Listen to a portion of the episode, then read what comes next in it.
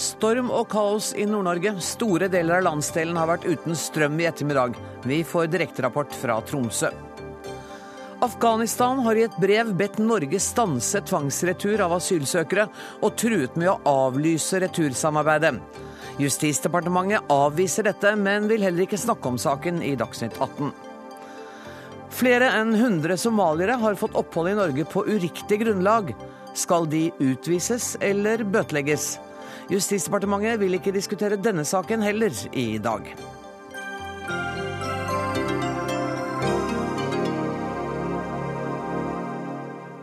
I denne sendinga skal vi også høre at det slett ikke er så langt til Royal Albert Hall, i hvert fall ikke for Åge Aleksandersen. Men først.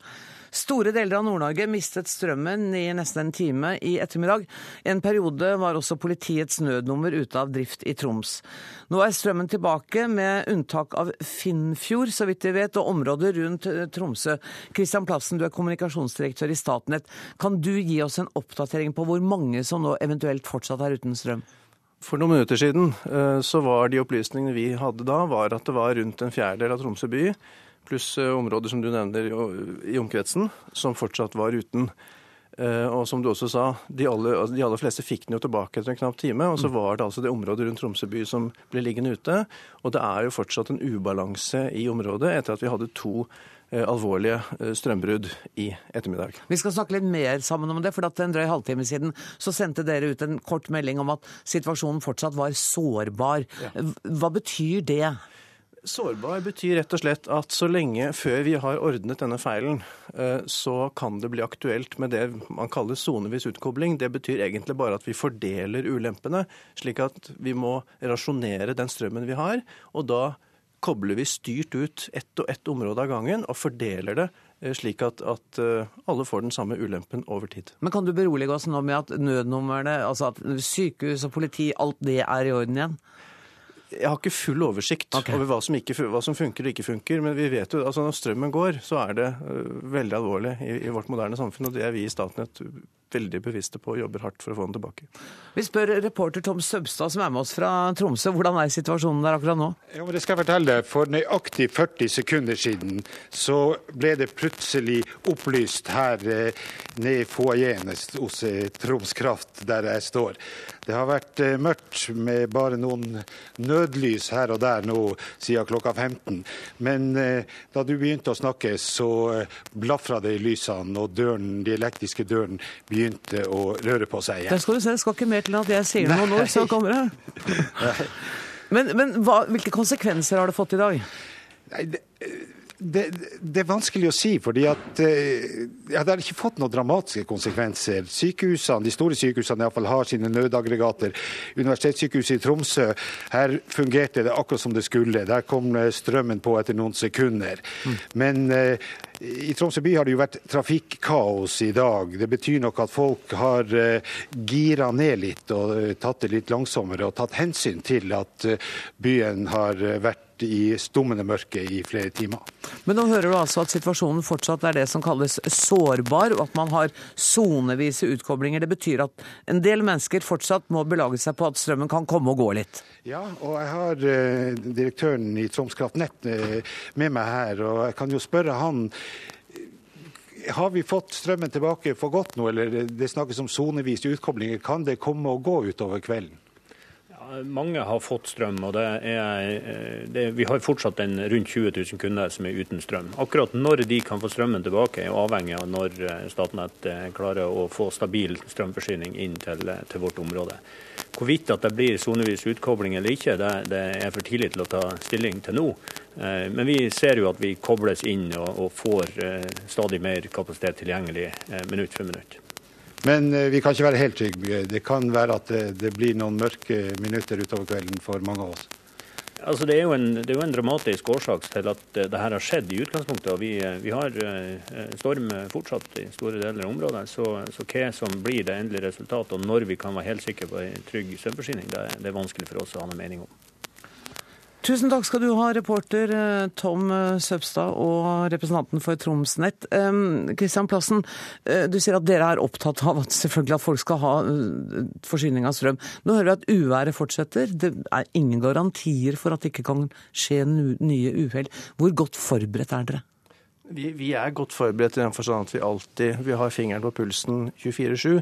Jeg, jeg, kan kanskje si også til situasjonen akkurat nå at vi tror jo at vi skal klare å få strømmen tilbake i løpet av kvelden. Vi jobber for det. Okay, ja. Slik at, at, at, eh, vi har bare den som, som, som en eh, som, som ledesnor akkurat nå. Men, men, det er klart eh, Strømmen er nesten umistelig mm. i et moderne samfunn. Mm. Og altså, hvis, hvis, du står i et kryss og plutselig så er alle lysene borte, Eh, inklusiv trafikklysene. Så Mer enn det skal det ikke til før det er kaos. Så, så det er klart, strømmen trenger vi. Den er umistelig.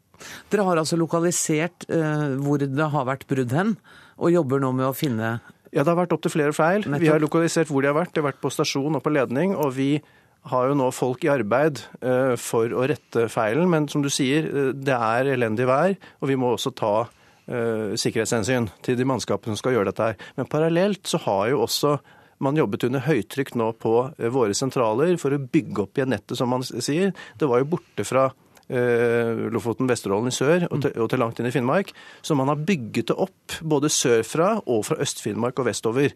Eh, det var det som skjedde den første timen. Da minimerte man de skadeeffektene som man fikk ute i samfunnet. Det er jo hele poenget, få det fortest mulig tilbake. Men en normalsituasjon hvor vi har rimelig grad av sikkerhet for den løpende forsyningen, det må vi rette opp feilen for å få tilbake. Da krysser vi fingrene for at været blir bedre, og at vi ikke møtes i dette studioet i morgen. Tusen, tusen takk for at du kom, Kristian Plassen.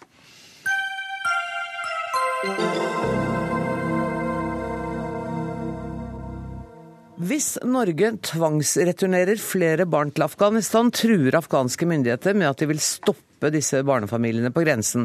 Det kommer fram i et brev de har sendt norske myndigheter.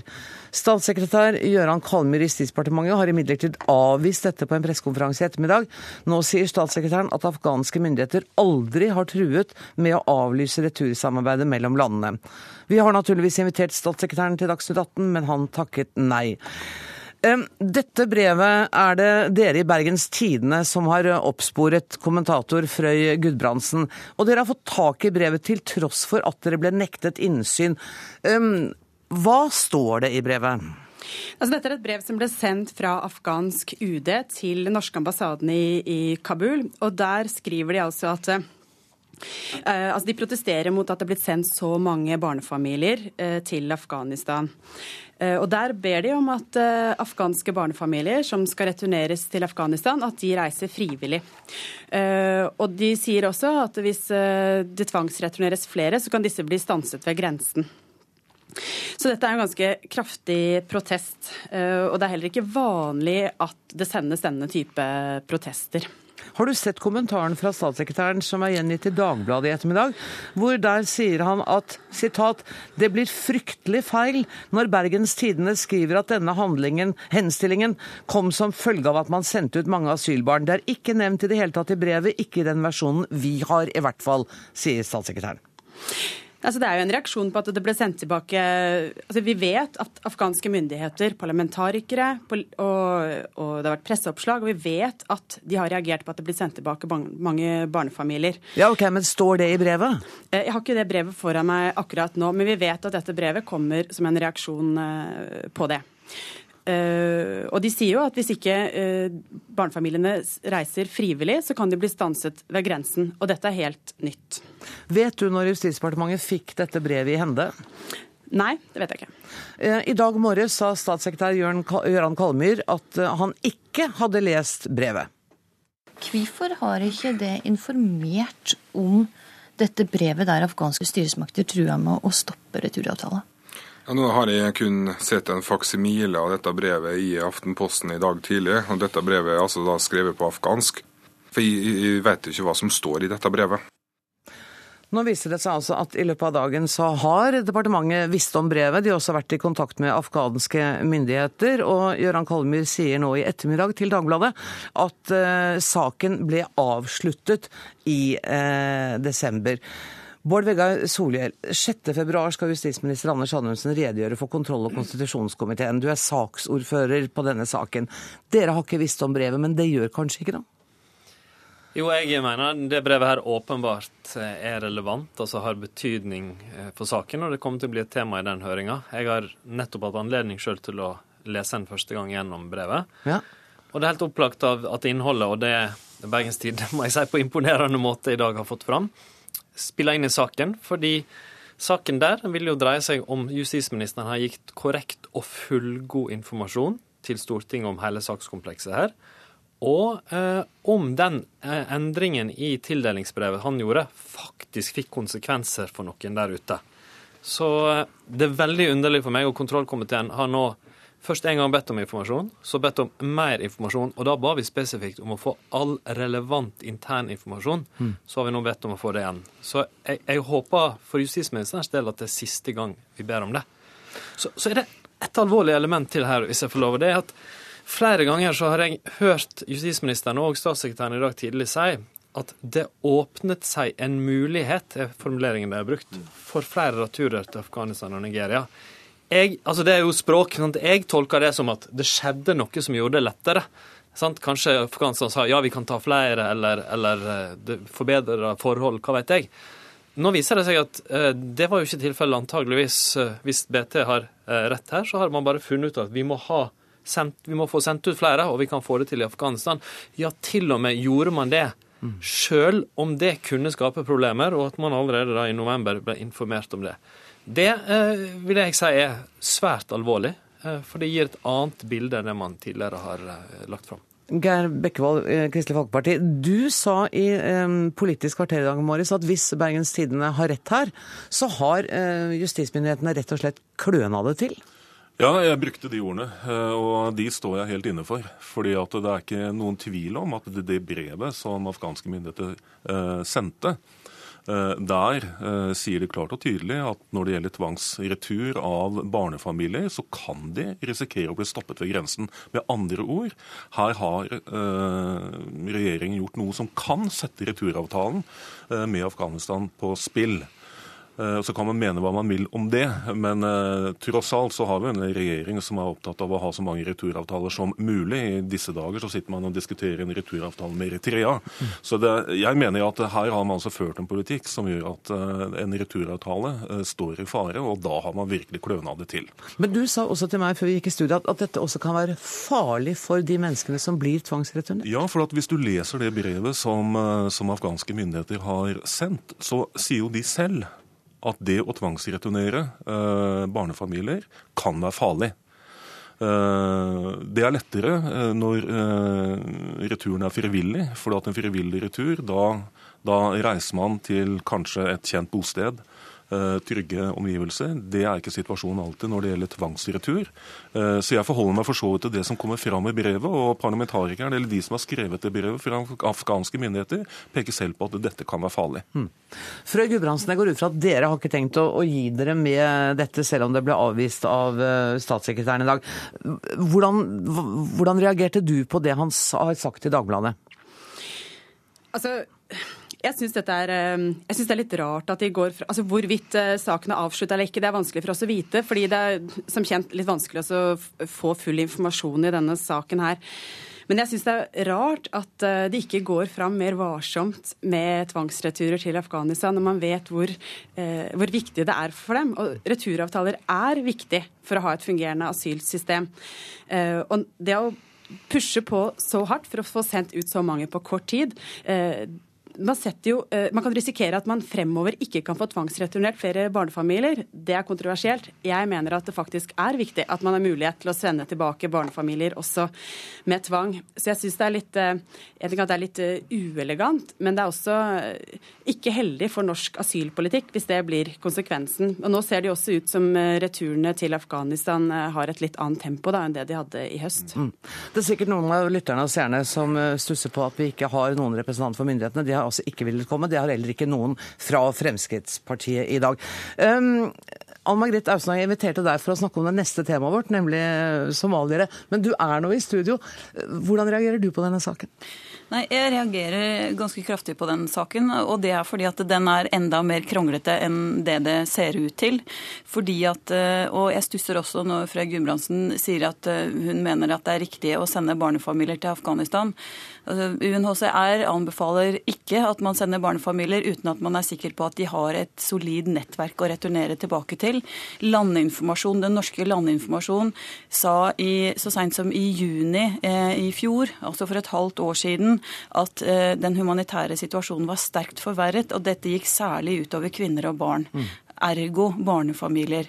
Men det er sikkert Frøy Gudbrandsen lyst til å svare på akkurat ja, det. Ja, jeg, er jo ikke, jeg er jo ikke for å sende tilbake enhver barnefamilie, uansett. Åpenbart ikke. Men at det, det fins en mulighet for noen tilfeller, det mener jeg definitivt. Vi er nødt til å sette strek for denne delen av debatten. Her... Jo, men kan jeg bare få si det som, var, det som, var, poenget mitt? Og det er på bakgrunn av den landinformasjonsrapporten som kom i juni, så tok uh, Utlendingsdirektoratet initiativ til en ny politikk og ba Justisdepartementet om en tilbakemelding på det, at det var greit at de ikke lenger ville sende noen tilbake dersom det ikke var sikkert at de hadde et solid nettverk å returnere til.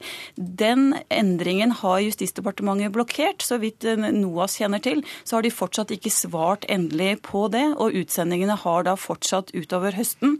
Og disse vurderingene har også UNE vært kjent med, og ikke før i desember har vi sett eksempler på at man har latt være å avsløre avslå søknader med begrunnelsen av at det har vært for vanskelig å returnere barnefamilier til Afghanistan. Det var en lang eh, tale der. Vi er nødt til å sette strek for denne saken her. Jeg sier takk til deg, Frøy Gudbrandsen. Også siden det er litt sånn ad adhoc her, eh, har dere tre lyst til å fortsette å være med og snakke om Somalia? Det er du ikke invitert til, Solhjell, men du er hjertelig velkommen til å være med på det, fordi Snakke om hvilket land det skal være. Du tar hva det skal være. Fordi altså, Utlendingsdirektoratet har altså åpnet flere enn 100 asylsaker hvor søkerne har oppgitt å være fra Somalia, men så viser det seg at ja, de er etniske somaliere, men har bodd hele livet i et av nabolandene. Disse har fått opphold i Norge, flere har også fått norsk statsborgerskap. Og dette var lederen for oppholdsavdelingen i UDI, Carl Erik Sjøholt, sa til Dagsrevyen i går om hva de nå vil gjøre. Vi er nødt til å behandle hver sak individuelt, og det kan være forhold i saken som tilsier noe annet. Men den normale reaksjonen vil være at alle tillatelser tilbakekalles, og at vedkommende blir utvist varig fra Norge. Vi oppfatter at dette er et så grovt brudd med den tilliten vi har til, til søkerne, at dette må få alvorlige konsekvenser. Også for barn? I verste fall så får dette konsekvenser også for barn, ja. Og Margrethe Ausen, vi bare fortsetter med deg. Eh, også barna kan risikere å bli sendt ut her fordi foreldrene da har løyet om sin sitt opphavsland. Mm. Men før man kan ende med den konklusjonen, så må man vurdere om en slik reaksjon er forholdsmessig i forhold til hva det påfører barna. Og dette vil jo i en del tilfeller snakke om store barn som har levd eh, hele sitt skolegangsliv eh, og hele, bygd hele sin tilknytning på det at de er norske. Så det er jo nettopp kommet en, en forskrift om lengeværende barn. Eh, og disse barna har jo ikke vært ulovlige i landet, de har jo vært lovlige i landet, og flere av dem vil ha statsborgerskap. Og det må jo da vurderes hva er deres beste ut ifra barns beste vurdering. og og uh, hva er deres tilknytning, og hvor tungt skal det veie i forhold til uh, innvandringsregulerende hensyn. Men skal vi godta at foreldre kan gjøre nesten hva som helst, og så skjule seg bak at de har barn? Nei, vi skal ikke det. Men det er sånn en gang at vi er forplikta på FNs barnekonvensjon. Og da har barn selvstendige rettigheter. Og de bygger seg opp en selvstendig tilknytning. Så det må vurderes i saken. Og dette viser jo noe som NOAS har tatt opp flere ganger, at det trengs flere virkemidler enn bare utvisning eller ikke utvisning. Hva tenker du kunne være et passende virkemiddel her, da? Nei, Hva som er passende er vanskelig å si ut fra generelle vurderinger. Men noe som er mulig, er å bøtelegge. Man kan gi karantenetid i forhold til eh, eh, statsborgerskap og andre rettigheter. Man kan eh, inndra reisedokumenter. Det er flere måter å sanksjonere og straffe foreldre på som ikke er en uforholdsmessig reaksjon i forhold til barn som har hele sin kjente identitet i Norge. Geir Bekkevold, hva er din reaksjon? Hvordan kan man reagere overfor de som er Nei, altså jeg eh, er jo helt enig i at den, sanksjonsmuligheten som vi har i dag, den er veldig rigid. Eh, det er liksom utvisning. That's it. Og da er det også ofte sånn at det kan ta veldig lang tid før du får lov til å vende tilbake igjen til Norge. Eh, og kanskje skulle vi på Stortinget diskutert om ikke det også finnes andre reaksjonsmønstre. Og, og her pekes det på bøter eh, og andre sanksjoner. Og jeg syns det kan være fornuftig, og særlig i de sakene eh, der vi har eh, med barn å gjøre, eh, og hvor, det er, eh, hvor, det, hvor en utvisning kan være en altfor sterk reaksjon. Men jeg har lyst til å si at vi lever i et åpent samfunn. Og vi er helt avhengige av at vi forteller hverandre hvem vi er. Og det må ligge som en båndplanke også når det gjelder asylpolitikken. At når de kommer til Norge, så er det helt avgjørende at de forteller oss hvem de er. Dette har også med, med, med rikets sikkerhet å gjøre. Så én en reaksjon må de få. Ja, jeg tenker at uh, vi skal i hvert fall ikke uh, bare strekke hendene i været og, og, og se at det skjer, og ikke gjøre noe med det. For dette, dette må ligge som en båndplanke. Men samtidig så tenker jeg også at det er viktig at vi har en, får en viss forståelse for hvorfor, hvorfor lyver man. Hvor, hvorfor er det noen som kaster passene sine? Hva er årsaken til det? Og i en sånn individuell behandling så bør man også stille de spørsmålene hva er årsaken. Men jeg syns dette er sånn, først og fremst er en veldig trist sak. Fordi at jeg tror at veldig mange eh, av de som oppholder seg lovlig i Norge, føler at her er det noen som ødelegger for alle andre. Eh, og, og sånn kan vi ikke ha det. Men samtidig så må jeg bare si at når denne saken dukket opp, så er jeg veldig glad for at Kristelig Folkeparti og Venstre fikk den forskriftsendringen på plass. For nå skal det legges mer vekt på barns beste og det barnefaglige. Eh, Bård Vegar Solhjell, en del av disse eh, har altså fått sannsynligvis opphold mens du satt i, i regjering. Dette, dette må jo også bety at det er noen som ikke har gjort jobben sin godt nok i kontrollen med flere enn 100 saker. Altså Det viser jo at vi selvsagt har en eh, rekke asylsaker der folk forfalsker sin identitet, jukser. Det er jo ikke et, det er jo ikke et ukjent fenomen, det. Eh, Det som er litt spesielt her, er at alle disse har fått opphold. Absolutt, og de, har, og de har klart det over tid. Sakene går ganske langt tilbake igjen. 99 tid. tror jeg første. Eh, og etter mitt skjønn, det er jo ikke tvil om at, og det tror jeg det er stor oppslutning rundt, jukser man med sin identitet for å komme inn til Norge, så er det grunnlag for å sende tilbake igjen, og man skal sendes tilbake igjen. Og i de sakene her så vil det være viktig å forfølge det. Det er viktig at det ikke blir satt et inntrykk av at slapp man først gjennom, så blir det sånn. Men vil du sende dem tilbake nå, etter 15 år? Ja, men hvis jeg får bare, sånn at det er bare at barn er barn, selv om de har en juksemake etter pappa. Det eller mamma. Det kommer vi ikke vekk fra. Barn har visse grunnleggende rettigheter. Og har du, er du statsborger, har du bodd i, i Norge hele ditt liv, så, så er det òg et hensyn. Sjøl om vi skal ut, sende ut med en gang folk som har juksa med sin identitet. Og hvis jeg får lov til å bare dra det bildet her litt opp, fordi Ja, det må du gjøre, for jeg ble litt forvirra nå. For du vil sende ut, men du vil ikke sende ut Jeg vil at er hver enkelt sak skal behandles individuelt. Jeg tror Da vil hovedkonklusjonen bli utsending pga. juks med identitet, men det skal vektlegges i hver sak hva som er hensynet til barn òg. Det kan det ikke være tvil om. Men hvis vi ser på asylpolitikken, mange, de, begge de diskusjonene vi har hatt nå, og mange diskusjoner i det siste, så der det virkelig skjærer seg i mange av sakene, så er det pga. hensyn til barn. Der folk virkelig føler at nå får det være grenser, så er det når barn har, kanskje bare har vært i Norge hele livet sitt, bare kan et språk ordentlig eh, og har brukt det i det daglige. Der, der de føler seg norske, der vennene opplever det sånn, der skolen opplever det sånn. Det syns jeg er liksom det mest hjerteskjærende og det verste nå å få gjort noe med. Og KrF og Venstre har fått til et lite framskritt nå, SV har fått til det samme tidligere. Men det gjenstår å få liksom et ordentlig gjennombrudd for at når barn eh, blir norske, kom til Norge, så skal det hensynet til dem være fundamentalt. Selv om foreldrene har løyet og vært kjeltringer. Ja, hvis du eh, er et barn og dine rettigheter i en sak viser at, ja, altså at, at det er feil å sende deg ut, Så foreldrene går så fri. kan, så kan det eh, være riktig. Men her vil hver enkelt sak være forskjellig. Det vil være helt feil å skjære alle eh, over en kam. I mange av de sakene her så kan det komme til ganske ja, tøffe utsendingsvedtak av folk som har vært der lenge fordi de har juksa. Og det kan være riktig. Bekkevold, her er vel du helt jeg, jeg, jeg syns nok denne saken også er liksom, den minner litt på dette her, som vi har vært inne på også mange ganger tidligere i lignende debatter. Dette her med at eh, her er det noen voksenpersoner eh, som utfører ting, og som, hvor barnet må bære straffen. Eh, og, Ja, eller sett på en annen måte. De voksne slipper straffen fordi de har barn. Jo, men det er derfor jeg tenker at vi kan også diskutere andre typer reaksjonsmønstre. Eh, Det er ikke alltid slik at utvisning nødvendigvis trenger å være den eneste reaksjonen. Eh, Men det er hele tiden dette her med at barna blir stående der som den tapende part. Og, og alltid må bære den tyngste belastningen. Og det er det vi har prøvd å rydde opp i. Og jeg må jo si at her er det vi kanskje ikke bare snakk om, eh, om eh, at foreldrene har gjort en feil. Sakene er 10-15 år gamle. Og hvilket ansvar har ikke også myndighetene for at eh, situasjonen er som den er?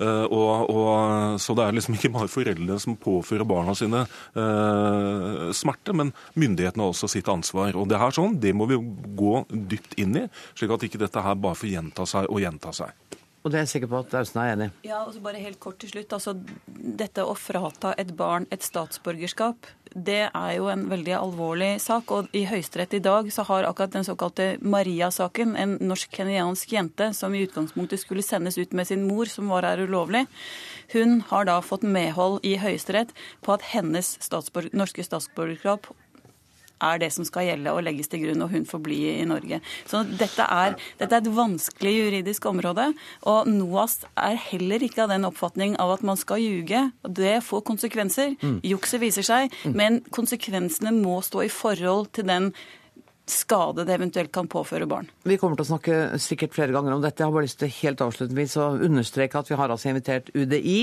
Justisdepartementet og regjeringspartiene som sitter i eh, justiskomiteen, men ingen av dem stilte altså her i dag. Tusen takk for at dere kom. Bård Vegar Solhjell, Ann Margrethe Austno og Geir Bekkevold.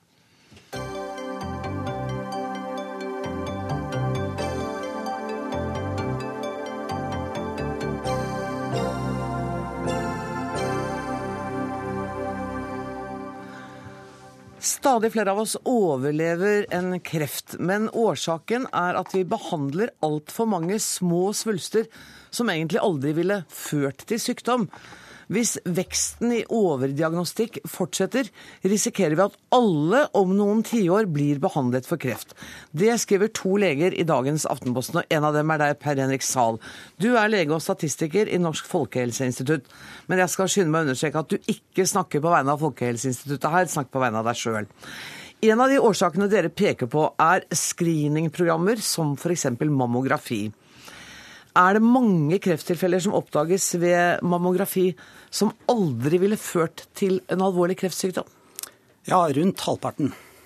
Halvparten av alt som oppdages, Ved mammografi. behøver ikke å behandles. Nei. Men blir det behandlet? Ja.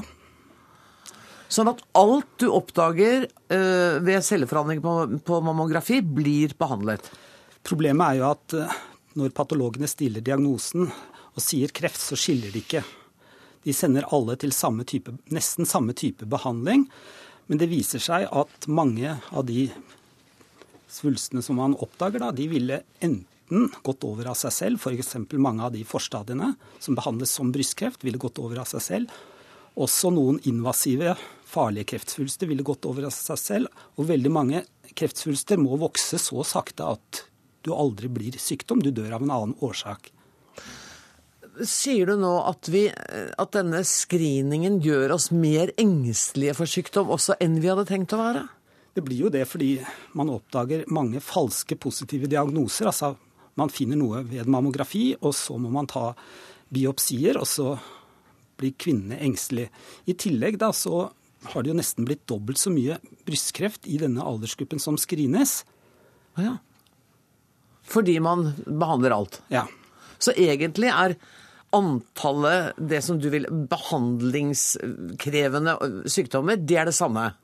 Man bare behandler altfor mange. Ja. Eh, Dette høres veldig rart ut. Solveig Håvin, du er leder for mammografiprogrammet ved Kreftregisteret. Er det riktig, dette her? Nei, Per Henrik Zahl er ganske alene om å mene at det er 50 av eh, de kanserne vi oppdager i screeningprogrammet, som er såkalt overdiagnostiserte. Eh, Tall eh, internasjonalt og fra Europa med tilsvarende screeningprogrammer, hvor Norge også er inkludert, sier en 0-10% Det vil da si at eh, 10 Ni av ti kvinner har da en cancer som ville utvikla seg og tatt livet av kvinnen. Og det viser vi jo ved at 40, at det er 40% lavere dødelighet av brystkreft blant de kvinner som faktisk møter til screeningprogrammet. Men, men sa, hvorfor vil du bestride disse tallene, da? Her regner man på forskjellige måter. og in, Det er det som gjør det så vanskelig. I en oversiktsartikkel i British Medical Journal nå i januar så har de rangert alle disse studiene ut ifra kvalitet. Og fire av de fem mest troverdige og pålitelige studiene de er skrevet av meg og forskere ved Cochrane-instituttet, og Kreftregisteret sine artikler er rangert på bånn. Men, men Dette her medfører ikke riktighet, Per Henrik. Dette er en selektert gruppe av mennesker som er eh, prinsipielt imot screening. Og vi må skille mellom det å være prinsipielt imot og faglig imot. Nå er det store utredninger som har vært, og som, som er på gang også fra Verdens helseorganisasjon, som, som går tydelig i retning av at regelmessig mammografiscreening for kvinner 50-69 år, det er å anbefale. Det reduserer dødeligheten. Ja, vi overdiagnostiserer, men eh, Bare inntil 10% Ja. Ikke sant. Og i Sverige og, og så de... er det jo screening av kvinner ned i 40-årene. Riktig. Ja. Og, har de dårlige erfaringer? Um, tallene våre er de samme enten vi regner på tall i Norge, Sverige eller Danmark. Og det interessante er at våre tall, som hun fremstiller som helt eksepsjonelt høye, de er faktisk lavere enn de tallene man opererer med i USA.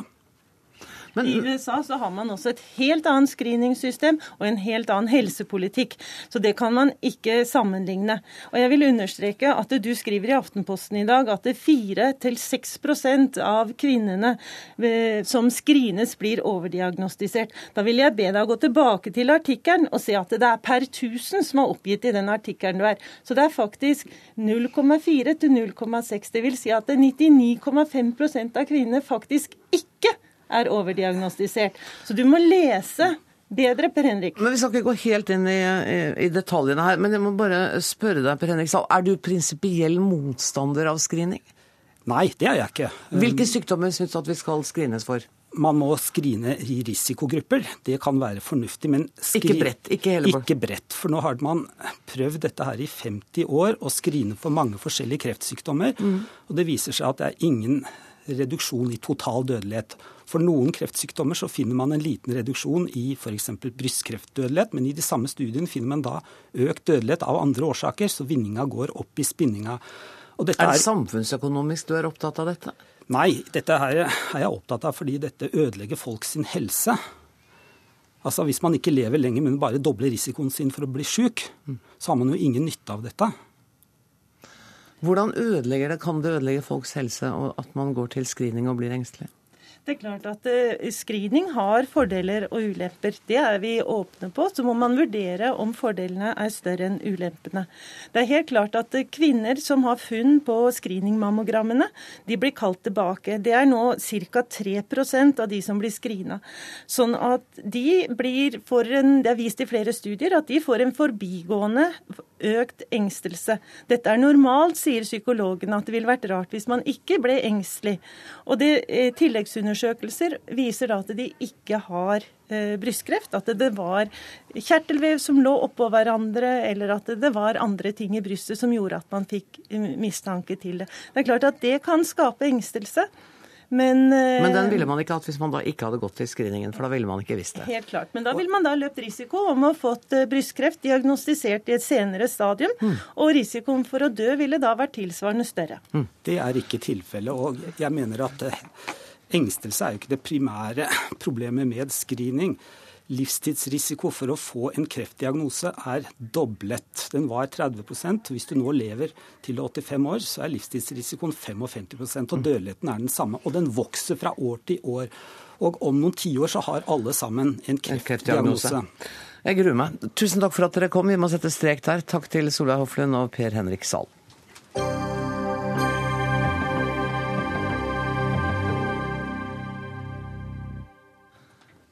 Utenriksministre fra EUs 28 medlemsland sitter nå i krisemøte for å diskutere situasjonen i Ukraina. På møtet er det ventet at de skal bli enige om ytterligere sanksjoner overfor Russland i forbindelse med kampene i Øst-Ukraina. Det har kommet ut noe informasjon om hva de diskuterer akkurat nå, utenriksmedarbeider Vegard Kjørom. Hva vet vi så langt? Det vi vet, er at det er utarbeidet et utkast eh, til nye, til det utenriksministrene skal bli enige om. Og I det utkastet så står det bl.a.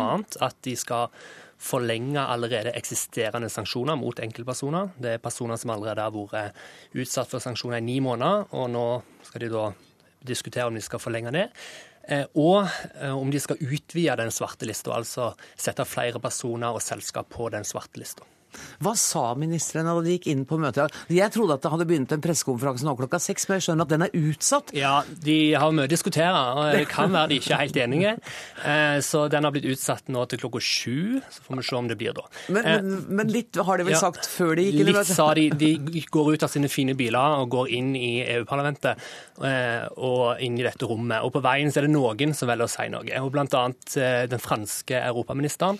Han sa at EU skal nå vise at de står sammen, og at de skal prøve å gjøre alt det de kan eh, og bruke alle midler for å få fred i Ukraina. Mm. Eh, og Så var det òg en gresk, veldig fersk utenriksminister på ja, vei inn. Han, på. han var litt forvirra eh, og visste ikke helt hvordan han skulle snakke til pressen. Men det han sa, var eh, at han nå skulle inn og forhandle. Han ønsket òg å bidra til fred og fordragelighet i Ukraina, men òg å bedre, sørge for et godt forhold mellom EU og Russland. Hvordan han skal få til det, det gjenstår å se. Tusen takk skal du ha, utenriksmedarbeider Vegard Kjørom. Du skal gå og følge med på forberede deg til pressekonferansen. Jeg skal snakke litt med Johanne Døhli Saltnes, som er doktorgradsstipendiat på Arena senter for europaforskning. Eh, det store spørsmålet nå er jo hva kan EU gjøre nå? Ja, Eh, altså EU har jo hatt sanksjoner mot Russland helt siden mars 2014. Eh, de har hatt både diplomatiske og økonomiske sanksjoner, eh, bl.a. reiseforbud, som det var snakk om her.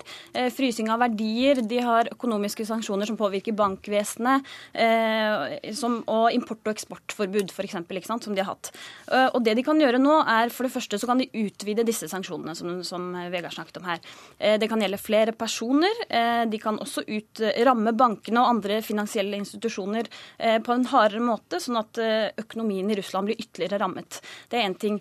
Men en annen ting er jo også at de kan velge å gå gjennom et annet instrument enn sanksjoner. Og da kan de jo gå gjennom eh, diplomatiet. ikke sant? De kan jo, det, når du ender, når du kommer i en sånn situasjon at det er et eh, brudd mot internasjonal rett, for å kalle det sånn som annekteringen av, Krim er, ja. eh, så kan du jo enten velge å ha en eh, sanksjon, eller så kan du velge å prøve å forhandle en diplomatisk løsning. Ja, for du kan ikke gjøre begge deler. Har du satt i verk sanksjonene, så, så, dør vel den diplomatiske korridoren? Ja, ikke sant. Det? det er jo eh, en avveining, da. Mm. Så, og dette blir jo diskutert eh, innad i EU, og også innad i land. Dette er jo en politisk diskusjon ikke sant, som vi har i alle land.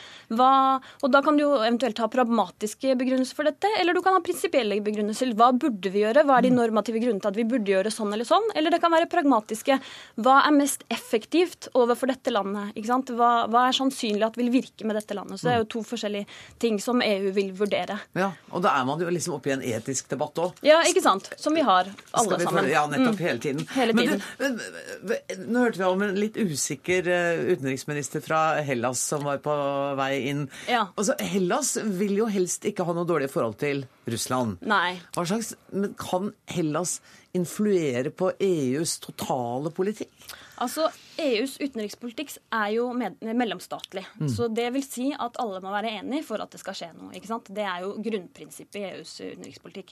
Eh, likevel så er jo det slik at alle eh, og, og, alle deklarasjonene er jo ikke eh, Altså, de er jo ikke bindende. Eh, så, så, så, men likevel så er det jo slik at eh, de støtter jo, Alle medlemslandene støtter jo opp om disse deklarasjonene. Og dette er første gang, i hvert fall som jeg kjenner til, hvor en medlemsstat går faktisk ut imot eh, ja. og sier dette er imot eh, det som tidligere er vedtatt. Ja. Så det er jo veldig interessant også sett i EUs utenrikspolitiske historie. Men kan det velte eller, eller, forandre når du sier at det er et enighetskrav innen EU når det gjelder utenrikspolitikken? Altså, hva, Hvilken rolle kan den nye regjeringen i Hellas spille da? Altså, det vil jeg egentlig ikke spekulere. Jeg skjønner at det blir spekulasjoner. Så det blir spekulasjoner. Men eh, ja. Nei, men altså, vi ser jo at det er klare tegn på uenighet innad i EU, da. Det kan vi jo si. Eh, noen land har jo helt klart uttalt eh, mer tydelig at de vil på sanksjonslinjen, en hard linje, mens noen er tydeligere på at de vil på prøven, i hvert fall tidligere har sagt at de vil prøve en dialoglinje. Så det, Men kan det komme noe konkret, eller kan man komme med ett av disse alternativene? Kan det være resultatet av det møtet i dag? Kan man liksom bli enige om at ja, men dere, da går vi for forhandlingslinja? Nei, ja, Sannsynligvis så vil nok eh, utfallet av møtet i dag være ytterligere sanksjoner. Det er Alle tegn peker til det. Uten at man kan si det sikkert, så virker det som sånn som også Vegard sa, at det er ytterligere sanksjoner som, som er linja nå, gitt det som har skjedd den siste uka.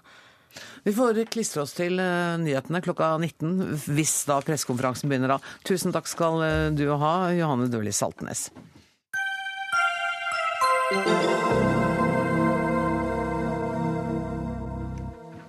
Åge Aleksandersen er snart framme ved noe han en gang så på som et uoppnåelig mål. 17. juni neste år skal han og sambandet spille i ærverdige Royal Albert Hall i London. Det er 41 år siden vår store rockestjerne sang følgende på sin første solo-LP.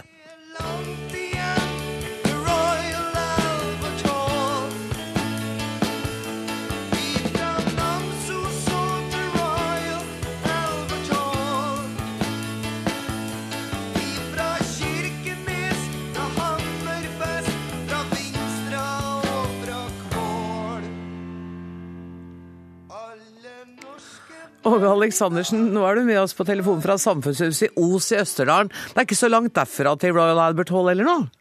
Nei, det er ikke tydeligvis ikke. Hvordan, hva har skjedd? Hvordan kom dette her i stand? Nei, det jeg vil kalle noen sprø folk da, som har masa på meg et par års tid nå, om uh, de kan tenke oss å gjøre en konsert i, i Royal Albert Hall. Og så ja, virka opplegget så ordentlig og fint at til slutt så sa jeg ja. Ja, men du måtte nødes litt, altså? Ja, du vet at det, egentlig den sangen der er, er jo en sang om noe som er umulig. sant? Toget hadde gått, eller båten, eller flyet, hva skal jeg kalle det. Og så, og så Jeg har ikke tenkt så mye på det. Må jeg innrømme. Det har gått greit liksom ellers, og uten å reise til Royal Albert Hall. Ja, jeg vil si at det har ikke gått så verst med deg.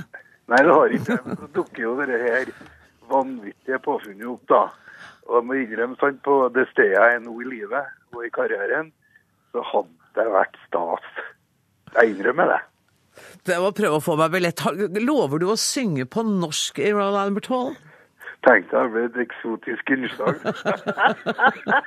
altså, du vet, det er jo, det er jo 1200 seter her, sånne båser som er solgt på livstid til sponsorer og sånt, vet du. Og de eh, kan komme og kan ikke komme, og de får jo eh, ja, en eksotisk opplevelse den kvelden. da. Men, men totalt sett er det vel 6000 mennesker det er plass til her, eller noe sånt? Nei, det er plass til 4009. Ok, ja ja. Bare 5000, altså. Ja, men så sånn at de- de tolv der, og så er det en, noen hundre biler, seter bak scenen som vi ikke kan bruke, da. Å, ja. Ettersom vi gjerne vil vise hvor fin vi er i tillegg. Ja, for jeg er villig til å sitte bak scenen òg, ja, altså. Ja ja, er du gæren? Jeg inviterer her. Du, har, har du, men har du vært i Royal Albert Hall som publikummer noen gang? Nei, men jeg har stått på trappa. Oh. Ja. Og blitt tatt bilde av i 1987. Og så tenkte jeg som så at det når det nærmer oss jeg kommer noen gang. Og det, der tok du altså skammelig feil. Akkurat nå er du på Samfunnshuset i Os. Skal det være konsert i kveld? Nei da, han Gunnar Pedersen og gitaristen i sambandet vi driver og øver med et folkemusikkensemble som heter for Dalakopa. Ja. Ja, der vi skal spille på det er vinterspill, altså Kammermusikkfestivalen på Røros i mars. Åh.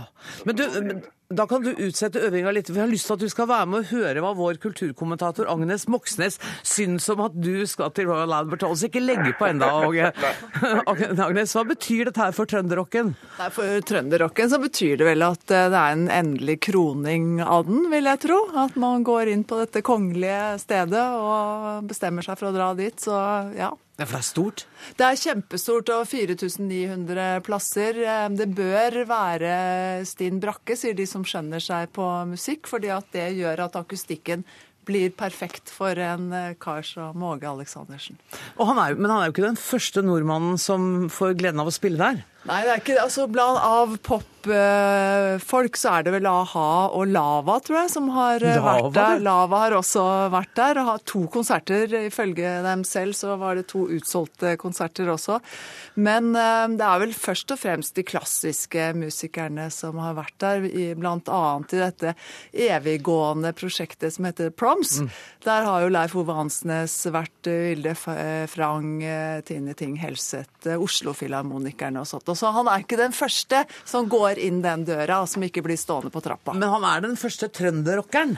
Han er definitivt den første trønderrockeren. Og det er jo selvfølgelig utrolig morsomt. Eh, fordi han, da han kom med, den plata hvor eh, denne låta var på, så var det vel den, liksom, den første liksom, rockeplata skikkelig på norsk som kom ut. Og det er jo en låt av Elton John, egentlig. Sånn at, og Elton John er jo velkjent i Royal Albert Hall, så det er et interessant kulturelt møte her. Og vi har jo også et spesielt forhold til Royal Albert Hall, vi nordmenn. Flest, eller snakker jeg bare for meg sjøl, kanskje? Nei. Jo, men altså, Nordmenn reiser jo til London for å få kulturopplevelser. Det er jo, altså Jeg kom hjem fra London nå, og det for alle spør meg hva så du, hvilken konsert har du vært på? Eh, og jeg hadde bare vært med så vidt det var innom et utstillingslokale. Sånn at eh, det skal man gjøre. Så det er en tradisjon for det. Så, jeg, så ja. Åge, du hører her sammenhengen mellom Royal Albert Hall, Elton John, låta di og konserten din. Eh, har du tenkt å invitere han, eller? Elton John, altså. Hvis, den kommer, så skal han få spille, ja. Men jeg tenkte ikke på å spille, jeg tenkte bare som gjest, jeg. Ja, nei, det er vel mindre samtidig, tror jeg. Dette her er altså litt over et år til. Um, har du begynt å tenke ut programmet? Nei, ja. skal, nå skal jo vi på en lang turné i år først. Ja. Jeg skal nå suge på en karamell her nå, og så, og så begynne å glede meg, da. Og det har du gjort allerede. Vi har begynt å glede oss. Suveren. Og Kan, men kan vi ha en avtale? Kan vi snakkes se på telefonen den kvelden du skal stå og spille i Royal Albert Hall? Det er helt greit, ja. ja. Kjempefint. Jeg sitter sikkert her, jeg, da. Du, uh, lykke til med Dalakopa, lykke til med turneen og lykke til i Royal Albert Hall, men vi snakkes nok før den tid. Tusen takk skal dere ha, Åge Aleksandersen og Agnes Moxnes.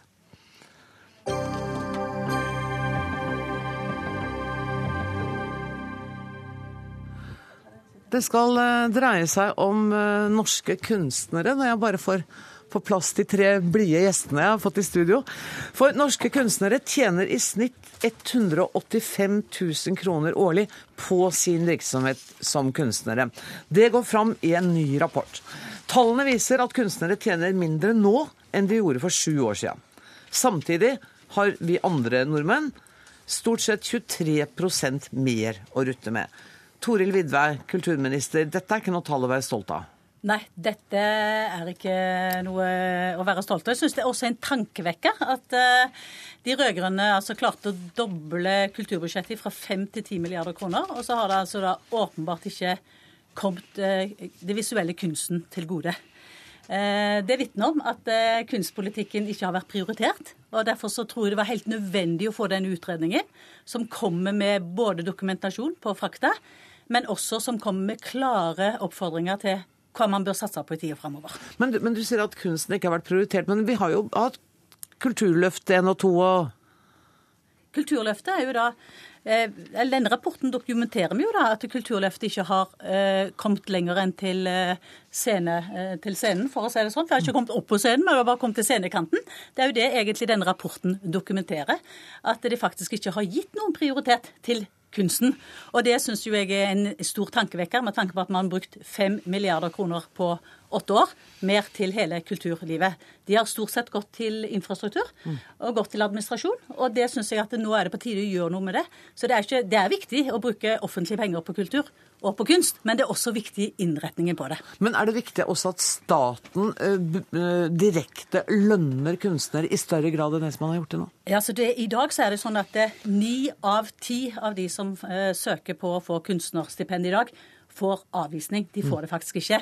Så det er en realitet. Selv om vi øker stipendene i årene som kommer, så er det også riktig sånn som eh, Enger-utvalget har påpekt, at det faktisk er en erkjennelse. Vi kan, alle kunstnerne kan faktisk ikke basere seg på at de skal leve av de midlene som du får over offentlige budsjetter. Så det betyr at vi må få til eh, en eh, mye sterkere fokus på dette med entreprenørskap. Mm. At også kunstnerne lærer seg hvordan de kan leve av egen inntekt. Og det er det som er så veldig fint med denne, denne utredningen som er kommet, for den peker på ganske mange konkrete tiltak som kan få det til.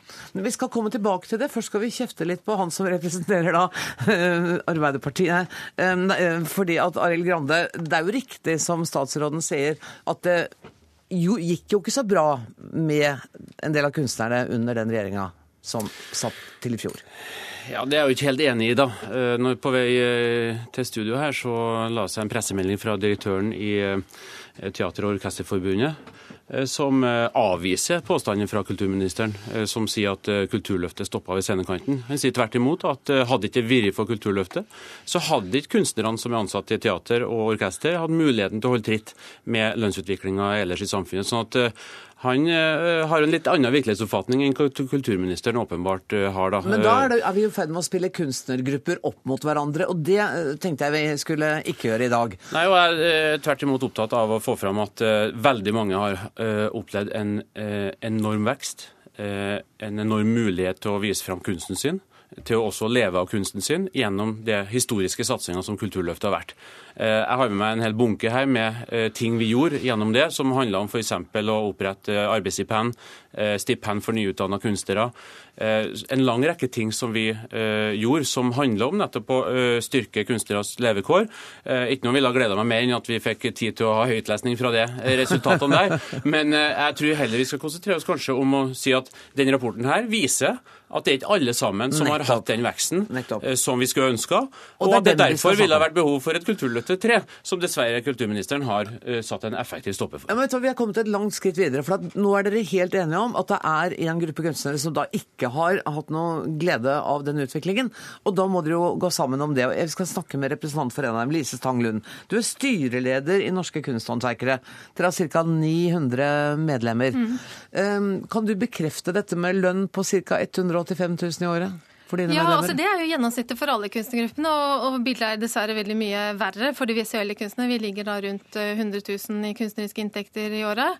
Og Det er jo også en nedgang fra 2006, og det er jo forstemmende bilde. Og Det bekrefter jo det vi har sett og, og hevdet i disse årene under Kulturløftet, at det har ikke vært satset på kunstnerne. Det har vært satset på eh, institusjonsbygging, og det er vel og bra, det må sies. Det er veldig bra at de rød-grønne gjorde det. Men på vårt felt så hjelper det ikke å eh, satse på institusjonene, for det gir ikke oss mer penger i kassa. Og det er egentlig er jeg litt sånn opptatt heller enn å krangle om Kulturløftet 1 og 2, eh, som det lett blir. Så jeg er veldig opptatt av handling og finne løsninger fremover. eh, Og hva som kan få fart i kunstnerøkonomien på vårt felt. Og da vil jeg fokusere på det med å stimulere markedet. Eh, Og da har jo Vigdis Moe Mo Skarstein kommet inn på det med å styrke internasjonaliseringen, og det er vi veldig opptatt av i nå Norske her, nå, nå går det, ja. Styrke internasjonaliseringen, hva betyr det?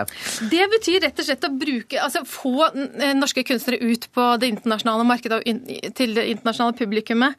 Og det som jeg vil utfordre regjeringen litt på, det er motstridende handlinger fra regjeringen. For, for det første så satser Kulturdepartementet satser på å stimulere norske gallerier på det internasjonale markedet.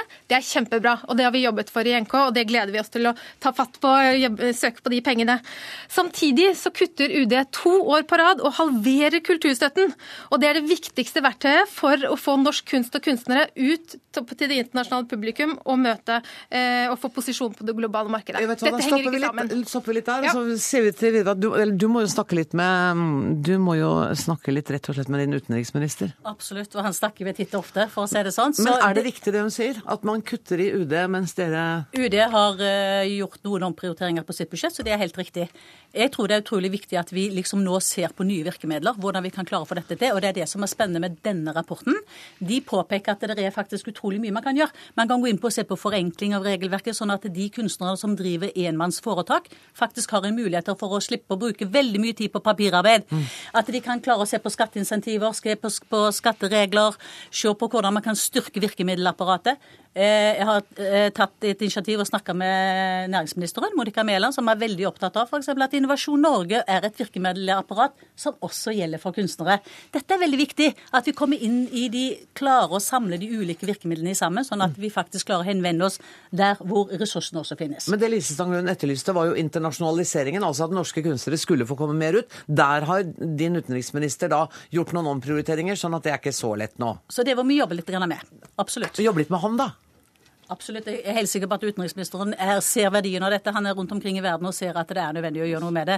Men nå tror jeg det er viktig at vi tenker på alle disse ulike virkemidlene som er liksom lagt til, eh, til rettes for at man nå kan få en vekst og en utvikling framover. Og det er det vi må ta tak i. Grande. Men kjære meg, eh, Toril Vidvei. eh, Det er jo ikke sånn at du holder på for deg sjøl, og så holder utenriksministeren på med noe helt annet. Da er jo alle sammen en del av den samme regjeringa. Og når det handler om midler til salg av norsk kunst i utlandet, ja da disponeres det av Utenriksdepartementet. Men det er jo du som er sammen med din kollega ansvarlig for den eh, politikken. Eh, Og hadde det vært sånn at dere hadde et ektefølt engasjement for kunstnerne, hvorfor er det da kutt i den utenlandsstøtten? Hvorfor er det da kutt i forslag om kutt i stipendordningene? Hvorfor er det da forslag om kutt som sådan i kulturbudsjettene? Eh, Hva var egentlig hensikten med det, hvis du ønsker å styrke kunstnerne sine levevilkår? Det er veldig interessant. Nå har jeg sittet der i ett år med, sammen med utenriksministeren. Du satt, og din regjering satt i åtte år. Dere bevilga altså fra fem til ti milliarder, og du klarte ikke å bidra til at kunstnerne sitt levekår ble bedre. Jeg tror vi skal liksom på en måte nulle ut en del av denne debatten, og nå se på denne flotte utredningen som er kommet, som nettopp peker på framtida. Hvordan kan vi være med på å bidra til at vi nå klarer å få dette til å bli mye bedre? Men er dette helt nye takter? Altså, kommer denne regjeringa med helt nye tiltak, Grande? Det som jeg er bekymra for, er jo at eh, når uh, regjeringa kutter, så sier de eh, hele tida at det er næringslivet som skal komme og ta det ansvaret. Vi mener jo at det å satse på kunst eh, handler om demokrati. Det handler om at eh, hele landet skal få muligheten til å oppleve stor kunst, eh, og også at kunstnerne skal kunne leve av det. Og vi mener at det er også en del av fellesskapets ansvar. Men det Vidvei sier, er at når hun skal lansere tiltak, så er det jo egentlig utelukkende at her skal markedet komme og eh, ordne opp i noe som er fellesskapets ansvar. Og da er jeg redd for at da blir det mer styring av kulturen. Det blir mindre penger til kulturen, og det blir mindre ansvar fra kulturministerens side. Og det er en utvikling som vil være uheldig. Men hun har jo et kjempepoeng i at dere i løpet av åtte år ikke klarte å gjøre noen ting med kunstnernes levekår. Jeg er ikke helt enig i det. da. Vi fikk flere kunstnere. Mange, mange flere kunstnere. Ja, Eh, faktisk er vel tallet på kunstnere dobla i løpet av ti år. Vi har 25 000 kunstnere i Norge i dag. Ja, så det er jo ett eksempel. Et annet- eksempel Men er det takket være Nei, men et annet eksempel er at flere av kunstnerne har en større andel av inntektene sine fra nettopp kunsten. Så det går jo i riktig retning. Men vi hadde jo ikke hensikt å stoppe med Kulturløftet 1 og 2. Nei, vi hadde lansert Kulturløftet 3, som også inneholdt nye tiltak for å styrke kunstnerne. Men det har kulturministeren satt en effektiv stopper for. Eh, Og det er jo det som er bekymringa nå. At det er ingen ambisjoner egentlig for kulturfeltet fra denne ministeren. Eh, Og derfor så eh, må vi eh, utfordre kulturministeren på er det sånn at det bare er næringslivet som skal ta et ansvar for kulturfeltet i Norge. Det har hun allerede sagt nei til, så jeg tenkte ordet til Lise Stanglund. jeg. Altså det, heller enn å, å fokusere på antall kunstnere, og det er noe man ikke faktisk kan styre helt her i landet, og heldigvis kan vi ikke det, så det tror jeg er en mye viktigere problemstilling å se på. Eh, får faktisk kunstnere eh, betalt for det arbeidet de gjør når de skaper kunst i det offentlige kulturtilbudet? Og nå har vi heldigvis fått stor politisk aksept for eh, reformen for utstillingshonorar. Vi har en kulturminister som sier at hun vil ha slutt på gratisarbeid til norske kunstnere.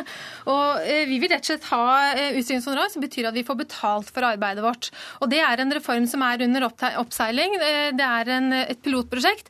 Men det vi trenger, er fart. Eh, Vi, vi, vi, jeg føler at vi har vært litt for tålmodige, vi har vært litt for grundige. Vi har bygget denne saken opp fra 2000, siden 2008. Men det- Nå trenger er vi rett og slett å få Vi trenger å få eh, litt push på at dette her, denne reformen skal realiseres i denne regjeringen. Fullfinansieres eh, med de blå-blå. Det er min ambisjon. Og da må du, da må du faktisk sette opp eh, tempo på utstillingshonoraret og få den fullfinansiert i løpet av denne regjeringsperioden. Og det vil jeg utfordre deg på i dag. Det, nå har vi et pilotprosjekt. Jeg synes det er utrolig spennende. Dette har vi, sta starta, og jeg har veldig tro på at dette vil være en god suksess framover. Og så tror jeg det er veldig viktig at vi nå eh, har fokus på at det er mulig å få til en kunstnerpolitikk i dette landet. Det er et av de områdene Mener som du at vi aldri har hatt det? Nei, det er et av de områdene som eh, utredningen peker på. For det har alltid vært liksom falt inn i den store kulturpolitikken og ikke fått den plassen som det burde ha. Men nå Og får vi det. Tror jeg at det er et av de områdene som vi kan ta tak i. Grande, du får Jeg tror det er mange gode tiltak som eh, kan lanseres her, og vi vil være med å støtte det. Og jeg håper også kunstnerne merker seg at vi foreslo fem millioner i økning til kunstnerstipendene i årets budsjett, og skulle gjerne hatt med oss flertallet på det. Der setter vi strek for denne samtalen. Tusen takk for at dere kom til Dagsnytt 18, Toril Vidvei, Arild Grande og Lise Stang Lund. Før dere går, så skal jeg bare, mens dere, sånn at vi ser litt ordentlig ut, så skal jeg bare fortelle hvem som var ansvarlig for sendinga i dag, for det var nemlig Hege Holm. Det tekniske ansvaret har Finn Lie. Jeg heter Anne Grosvold. Håper at vi møtes her igjen i morgen. Takk for nå.